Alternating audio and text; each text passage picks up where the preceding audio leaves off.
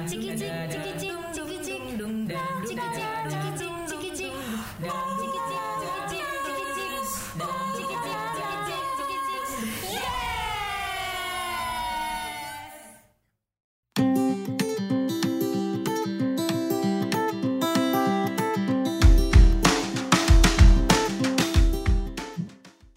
semuanya, kembali lagi di podcast Yes.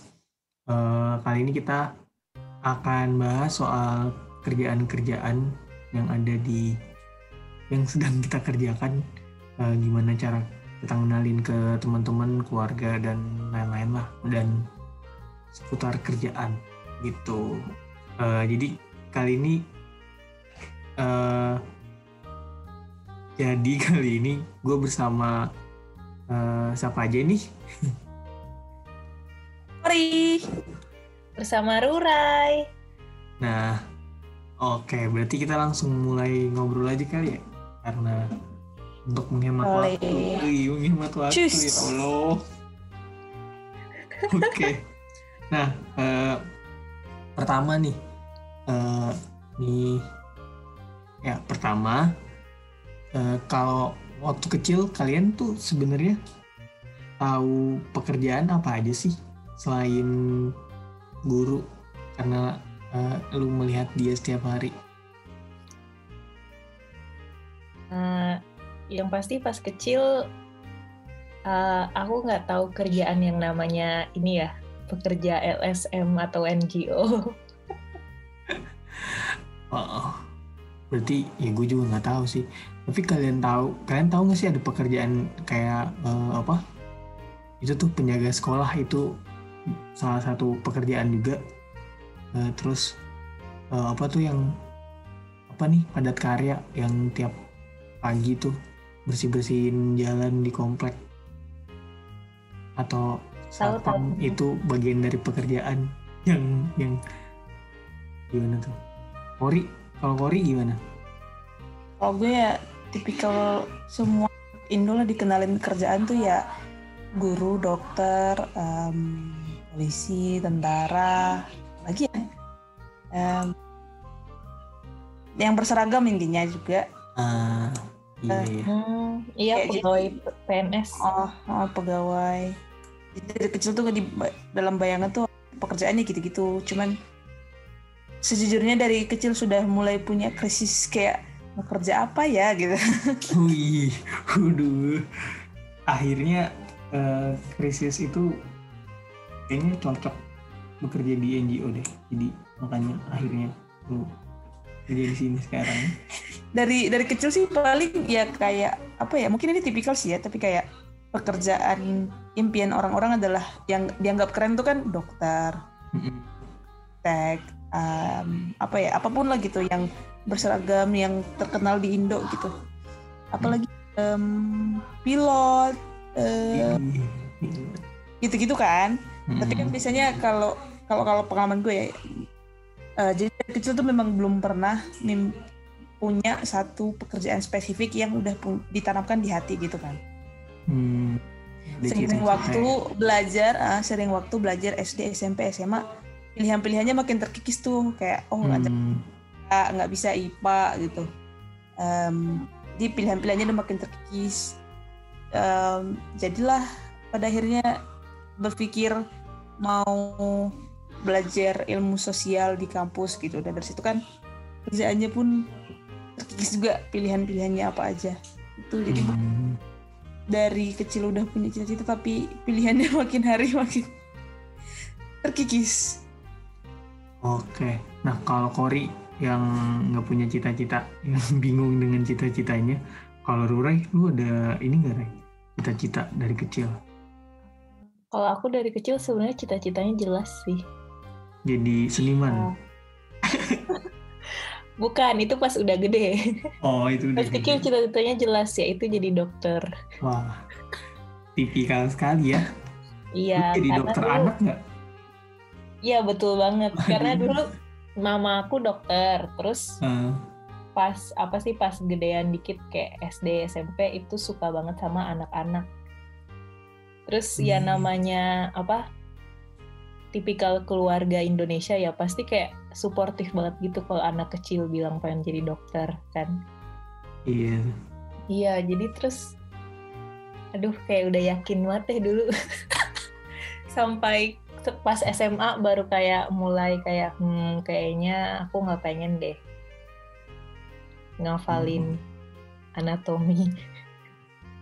Oh, tapi lu tahu kalau dokter itu ngapalin anatomi pas SMA berarti? Taunya dari mana, Ray? Uh, tahu aja soalnya pas belajar kan pas SMP sama SMA belajar mulai belajar biologi lebih jauh. Hmm. Terus uh, nyebelin aja belajar IPA tuh. Oh, wah. Berarti kalian bukan anak IPA ya berdua ya? Hmm, kalau lu gimana, Paul? IPA, aku tapi anak IPA. Oh, gitu. Gue anak. IPA sih. Wow, Gua- cuman gua nih.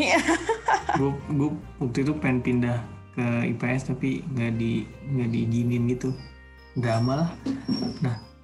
Oh iya, Paul. Jadi udah masuk IPA terus pengen pindah IPS. Iya waktu disuruh pilih nih, gue pengen masuk IPS, pengen coba. Tapi akhirnya masuk komunikasi juga kan, jadi masih nyambung lah. Dan IPA kan maksudnya gue, maksud gue tuh eh, di tahun-tahun gue perbedaan itu nggak nggak nggak nggak gimana gimana sih kalau lu. Nah dan oh iya mungkin ini kayak IPA tuh bisa lebih fleksibel masuk ke mana-mana nggak sih kalau mau kuliah? Jadi lebih aman gitu kayak safe net Iya sih, dulu gue juga dibilanginnya gitu. jadi ya udah IPA aja nggak apa-apa. Nah ah Lu dulu oke. mau kerja jadi apa, Paul? nah oh ini tadi gue hampir lupa jadi waktu kecil kan ada cita-cita tuh orang-orang apa oh ya orang-orang tuh pada pada nungguin ma- mata pelajaran bahasa Indonesia atau bahasa Inggris untuk ngasih tahu cita-citanya apa kan Kayak- terus Heeh. terus kan gue pernah ikut kelas bahasa Inggris ya jadi ada modul gitu. Gue nemu satu satu pekerjaan yang baru baru banget di mata gue waktu itu. Yaitu adalah ilmuwan. Jadi gue pengen jadi ilmuwan. Gue gue dengan bangga bilang gue pengen jadi ilmuwan. Karena gue mau jadi atlet nggak bisa. Jadi gue ada penyakit eh, turun berok. Nggak bisa jadi atlet. Terus kayak oh yaudah gue jadi ilmuwan aja. Kayaknya keren deh. Ternyata saya tidak berkapasitas ya. Pengennya Gitu jadi ilmuwan deh. apa, Paul? Eh, pokoknya yang yang keren-keren aja yang bisa buat-buat di kimia gitu. Tapi pas makin ke sini tuh kepikirannya jadi saintis matematika gitu. Tapi ih, ah gue tuh nggak gue nggak detail juga ternyata. Setelah gue gue telisik lagi ya udah deh masuk komunikasi mantap Agak menyakitkan ya percakapan ini. Ini tapi aku nggak kebayang lo unexpected Kis Paul nih cita-citanya dulu ilmuwan matematika. Iya itu karena karena oh Sama. iya, karena, karena ibu gue tuh guru matematika dan ilmuwan kan kalau nggak jadi eh, chemistry chemistryan nah itu matematik itu Hmm. terus uh, udah deh Berarti kalau belajarnya HI nggak bisa jadi ilmuwan HI ya? ah itulah gitu jadi profesor kayaknya kalau HI Iya, soalnya istilah saintis cuman buat ilmu ilmu sains ilmu pasti ya eksak sih. Hmm wah ternyata kita nggak ada yang sesuai cita-cita ya oh Dan gue-! Gue bukan sesuai tapi gue nggak pernah punya keputusan. Heeh. jadi nggak nggak ada ekspektasi nggak ada ekspektasi yang terkalahkan di sini ya Dan long story short kita semua bertemu di satu tempat yang sama. yaitu LSM U LSM. Yaitu bumi. apa oh iya Apa sih? yaitu Nation- National Geographic kita sama-sama adalah pekerja NGO atau National Geographic. aduh wah Enggak sangat enggak enggak enggak. pernah NGO. jokes banget ya Iya nih, NGO adalah hmm, apa sih? Men non government Kenapa non governmental ya? non government Non-governmental organization. Ah, oke. Atau LSM di bahasa Indonesia, Lembaga Swadaya Masyarakat. Mm, atau yang biasa eh, contohnya yang orang-orang yang eh, berseragam tapi bukan orang pemerintahan. Biasanya tuh kalau ada hari Pancasila rame. Nah itu tuh bajunya loreng-loreng tapi warna orange. Orang-orang yang mau jadi tentara tapi nggak kesampaian nah masuk. Eh, muda Pancasila. Waduh. Kita kita seperti itu. Wah, wah, ya secara hukum sepertinya sama deh. Gimana? Betul nggak sih? Bener nggak sih? Secara hukum bentuknya sama kan? nggak tahu. Aku juga bingung sih sebenarnya secara hukum masuk LSM dan ormas itu bedanya apa ya? Karena, ya sih. Karena ormas tuh perkumpulan juga secara hukum. Setahu gue ya, gue nggak tahu. Mungkin nanti kita akan tanyakan Karena- karena pas kemarin ada mau ada aturan pembubaran ormas tuh eh, para para LSM tidak sepakat karena mereka bisa jadi target selanjutnya.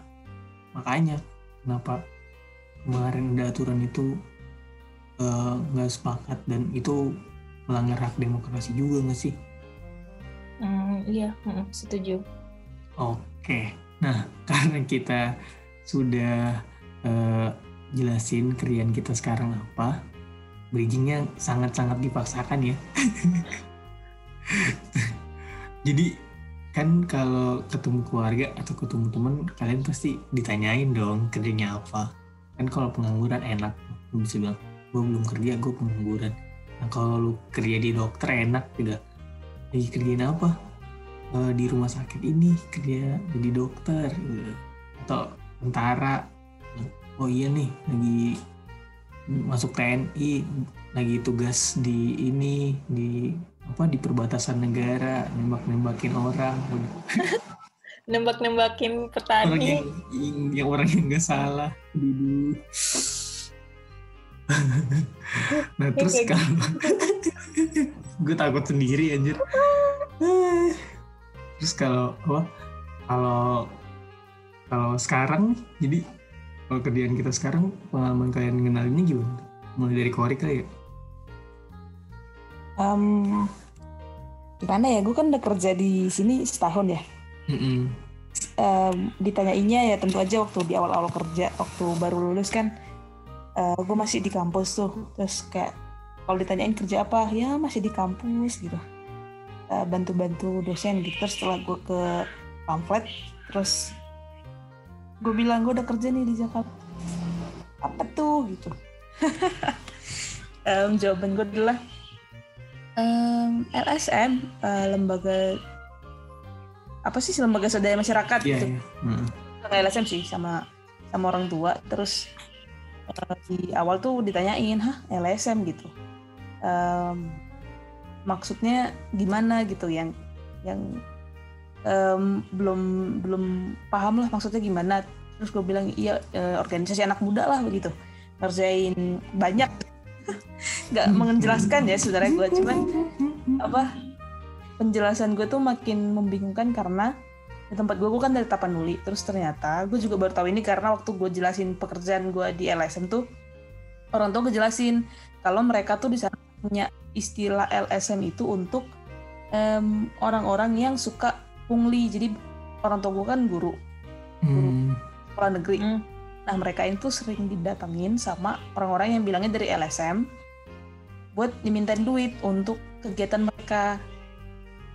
Jadi beda banget kan pengertian LSM yang ada di otak orang tua gue sama gue gitu. Hmm, Bilang gue kerja di LSM gitu terus kayak jadi kalian mau nge-tweet gitu.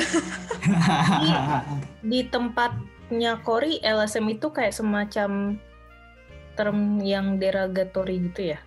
Heeh, mungkin karena mungkin ini sih apa mungkin benar secara secara bentuk organisasi orang-orang itu tuh LSM cuman cara pendanaannya mereka pungli gitu dan tujuan nggak nggak khusus gitu loh kalau misalnya kita kan anak muda nih.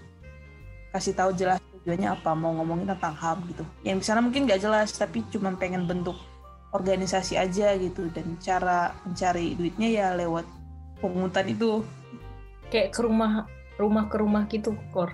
ke sekolah-sekolah. Jadi Wow, Wow. gila-gila. kan mereka orang tua kan guru. Jadi mereka tuh didatangin ke sekolah gitu. Yang paling berkewajiban buat bayar tuh biasanya katanya si kepala sekolah. Gue baru tahu ini tahun ini tahun apa tahun lalu. Pokoknya pas gue baru ngomongin kayak gue kerja di LSM gue baru tahu ternyata ada istilah LSM di sana. Dan itu adalah untuk orang yang mungut duit Wow, Ya ampun. framingnya jadi buruk banget ya.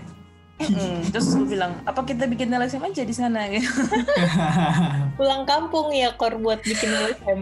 Iya bener gitu deh. Terus sejak itu gue coba menjelaskan dengan ngasih tunjuk em, hasil kerjaan kita aja. Jadi kayak gue tunjukin video atau tulisan dari pamflet gitu. Terus gue bilang Hmm, kita kerjain gitu. Sampai sekarang sih udah nggak dipertanyakan kerjaan gue apa, tapi selalu dibilang, eh ada bukaan CPNS nih gitu. Wow. wow. Aduh. ya gitu deh, gengs. Aduh, 70 ribu, 79 ribu gaji yang keluar gitu aja ya? Nggak ada orangnya ya? Kerjaan itu ya? Mm-mm. Jabatan palsu itu semuanya yang ada beribu-ribu. Waduh, waduh, waduh, waduh. Kalau lu Ray gimana? Kan lu orangnya, eh, keluarga lu dokter, dokter, ada ba- background dokter. Mm-mm. Terus eh, pasti dan cita-cita lu waktu kecil dokter juga. Pasti sulit dong. Iya, agak gimana ya? Kayak kebetulan keluarga dari papa tuh rata-rata sepupu hampir semuanya dokter. Hmm, terus terus Tuh, terus kalau dari mama ya beragam gitu sih keluarganya. Jadi kayak lebih gampang ngomong ke ngejelasin ke keluarga dari mama gitu kalau kalau ditanya kerjanya di mana gitu-gitu. Nah, kemarin sebelum ini sih sebelum di pamflet kan juga magang tuh di NGO. Terus itu kayak entah kenapa lebih gampang jelasinnya soalnya ada kata-kata internasionalnya. ah Biasanya orang tua tuh kalau nanya, maksudnya orang tua kayak papa mama, tante, om gitu. Kalau ada belakangnya ada internasionalnya, mereka lebih takjub gitu. hmm, Terus tiba apa sekarang ditanyanya di mana gitu kan? Namanya pamflet. Nah, bingung mereka. ini ya ambigu ya. Iya. Waduh, Ya gitu kalau di apa biasanya terus jurus pamungkasku kalau misalnya ditanya pamflet itu apa, aku cuma bilang kayak oh itu LSM yang fokusnya adalah anak muda dan HAM. Itu udah terus titik tidak memberikan penjelasan lebih lanjut. Ntar diarahin ke websitenya aja, Ray. Biar banyak traffic. Lagi Ya, rusak tapi Oh iya. Eh Aduh, belum bener. Masih masih ini masih didoakan aja semoga cepat bener.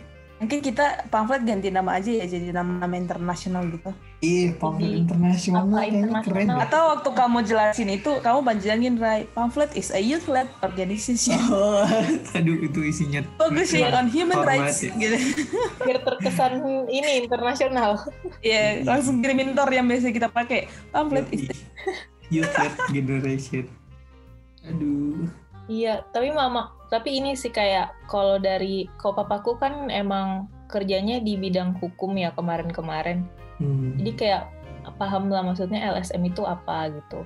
Kalau mamaku kan dokter, jadi kayak nggak sebegitu familiar sama kerja-kerja sosial kan. Hmm. Tapi kayak mamaku kayak ini gitu lucu banget mencoba mencari tahu kayak aw- awal-awal aku kerja di pamflet kayak nanya-nanyanya kayak misalnya oh berarti kalau dapet eh dapet proyek itu dari luar negeri ya kayak gitu-gitu kayak oh kalau eh, kerjasama berarti kamu ikut bikin proposal ya gitu-gitu nanya gitu-gitu lucu Oh. banget Wow. Oh, keren keren. Kalau lu gimana, Pol? Kalau gue, kalau gue, gue lebih ke, ya udah gue bilang gue kerja, gue, gue, gue kayaknya nggak ada pertanyaan. spesifik dari kedua orang tua gue deh gue kerja apa. Gue lebih ke teman-teman gue kalau orang tua gue nanya lu kerja di mana? Gue kerja di tempat magang gue kan gue magang tuh. Jadi gue biarkan mereka recall penjelasan gue waktu gue pengen magang. Jadi biarkan. Terus uh, dan dan nggak ada masalah juga sih karena karena gue kan di Palu uh, apa sempat ikut komunitas tuh sampai sekarang. Jadi uh, mereka tahu ada ada ada ada aktivitas atau pekerjaan yang uh, menghasilkan uang selain itu dan dan itu oke oke aja dan dan menyenangkan buat gua. Jadi aman lah kalau itu. Cuma ada beberapa kayak uh, gua nggak tahu nih ini perasaan gua atau enggak jadi uh, ada keluarga gue nanya gitu uh, kerja di mana? LSM terus langsung kayak uh, berubah gitu intonasinya. Oh LSM terus kayak kayaknya dia berpikir uh, LSM tuh hobi demo-demo gitu yang yang yang setiap apa? Aduh lagi? Yang ada kalau ada perusahaan gede uh, hobinya di hobinya marah-marah gitu. Jadi kayak bentuknya LSM LSM LSM LSM yang garis yang ini yang bukan yang turunnya itu di jalan gitu jadi kebanyakan kayak gitu. Jadi gue dipikir seperti itu. Walaupun itu salah satunya kan tapi nggak nggak gitu juga. Terus kayak nah mungkin karena background mereka orang-orang ini kali ya orang-orang yang kerja di perusahaan swasta atau di institut pemerintahan jadi mikirnya LSM adalah uh, tanda kutip melawan gitu. Atau saingan atau membahayakan bagi mereka. Itu sih. Padahal LSM tuh lebih luas. Mungkin hmm kayak gitu sih. Cuma emang, uh, emang mereka ini kayak maksudnya backgroundnya apa kok? Oh, apa, iya. apakah terus merasa tersaing gitu? Tadi uh, kamu udah bilang saingan. Uh, apa ini nih? Uh, apa namanya institut pemerintahan itu di pengadilan terus oh uh, pantesan. uh, terus ada yang ada yang di mana? Di perusahaan swasta gitu pertambangan. Jadi kan wah lumayan ya. Gue langsung gue pas dia tanya gue jelasin gue langsung kayak oh kayaknya gue nggak usah jelasin detail deh. Gue bilangnya kayak Sam yang fokusnya ham dan anak muda udah. Itu aja. Gitu sih. Nah kalau kalian kalau keluarga udah nih ke teman-teman kan pasti ada uh, bukber lah mungkin. Kalau Kori nggak bukber ya. Uh, reuni-reuni ala-ala. Kalau lagi ketemu teman-teman tuh pasti ada yang nanyain kan kerjanya apa. Lu jelasinnya lu punya template ngejelasin nggak? Atau lu pakai template yang sama ke orang tua kalian berdua? Hmm, hampir mirip sih kalau dari aku cuma paling ditambahin dikit kayak oh kayak uh, di LSM ini kerjaan aku sebagian besar adalah riset gitu. Hmm. riset dan bikin produk pengetahuan. Itu jadi kayak ada detail ekstra. Hmm. soalnya aku merasa kayak anak muda lebih lebih terbuka buat tahu gitu.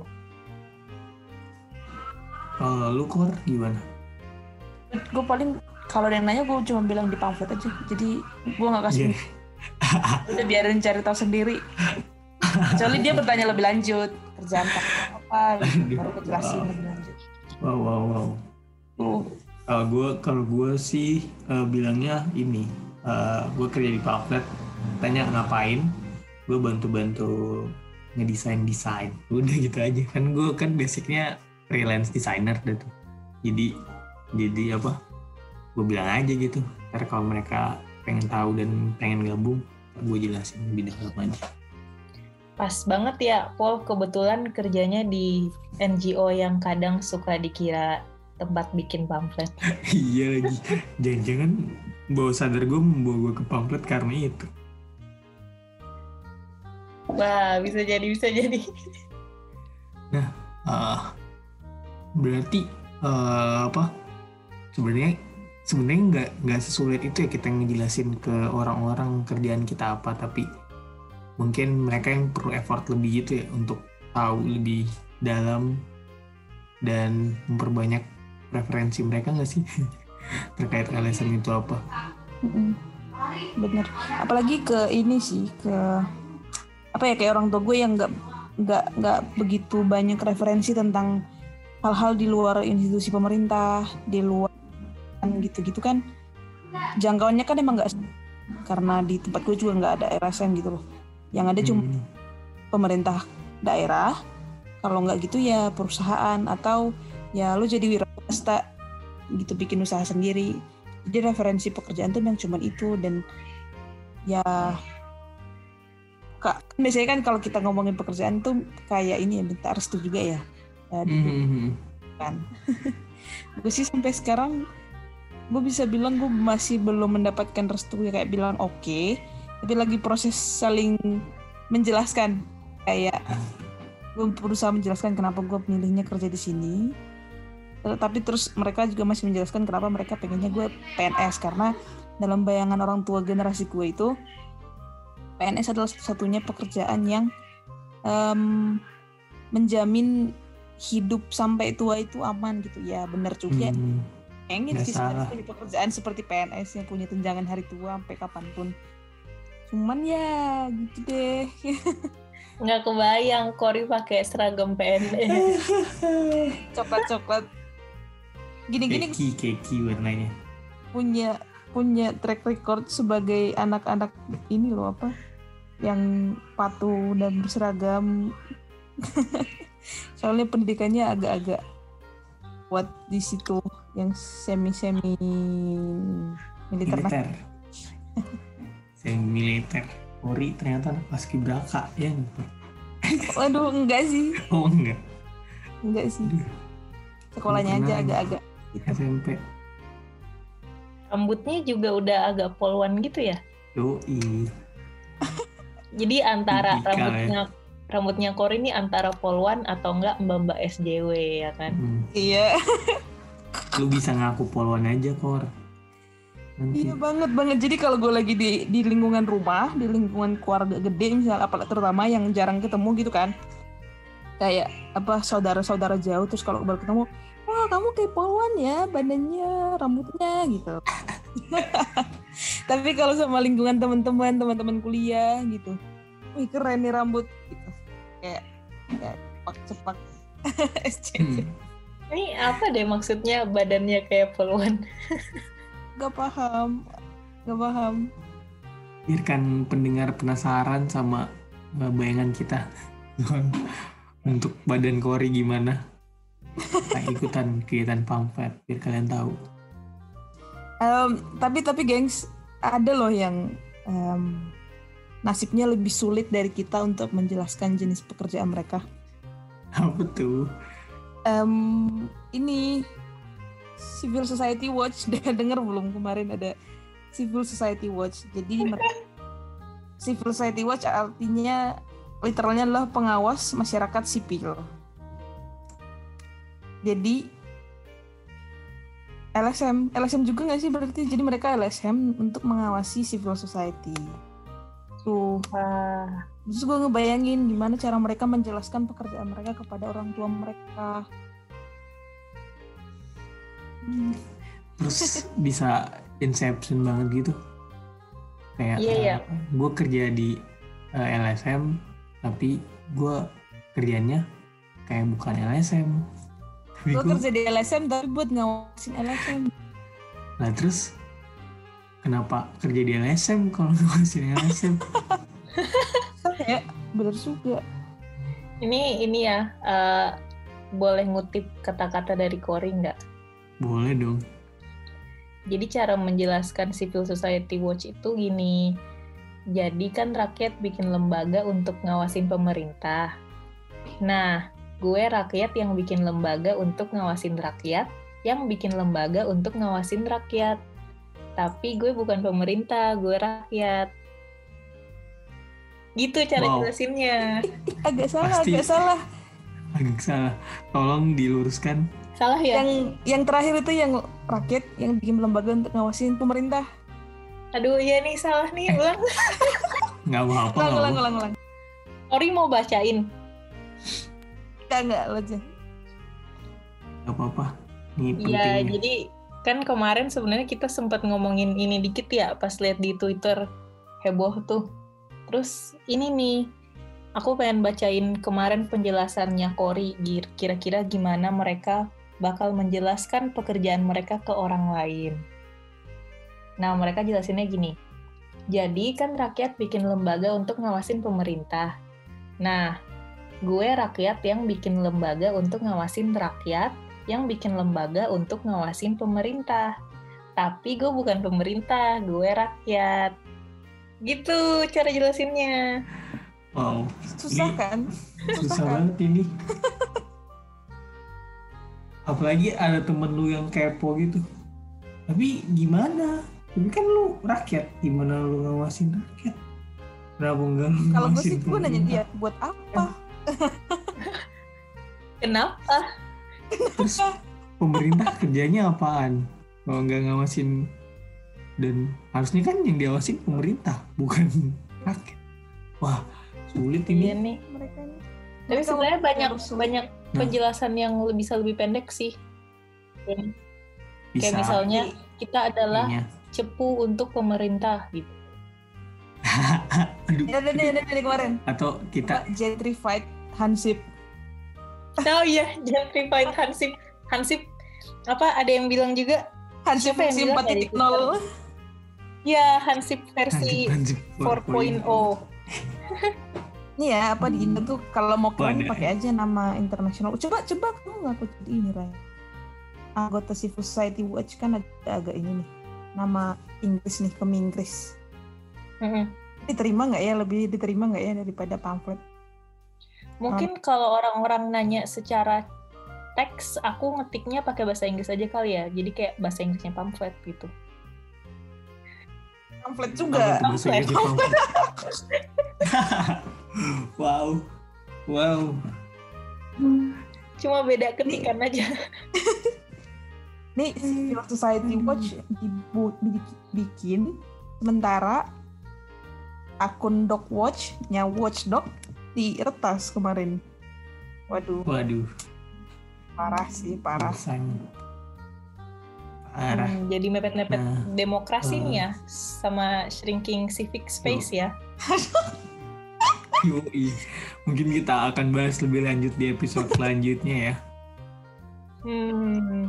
nah buat teman-teman kedondong oh iya kedondong pendengar podcast yes Eh, itu dulu sepertinya cukup nanti eh, nantikan episode selanjutnya dari eh, Rurai, Kori, Kispol dan teman-teman lainnya Eh, kenapa nanggung ya nggak apa-apa karena kita nggak mau menggurui di setiap akhir episode jadi sampai jumpa di episode selanjutnya saya Rizky Eh Kori.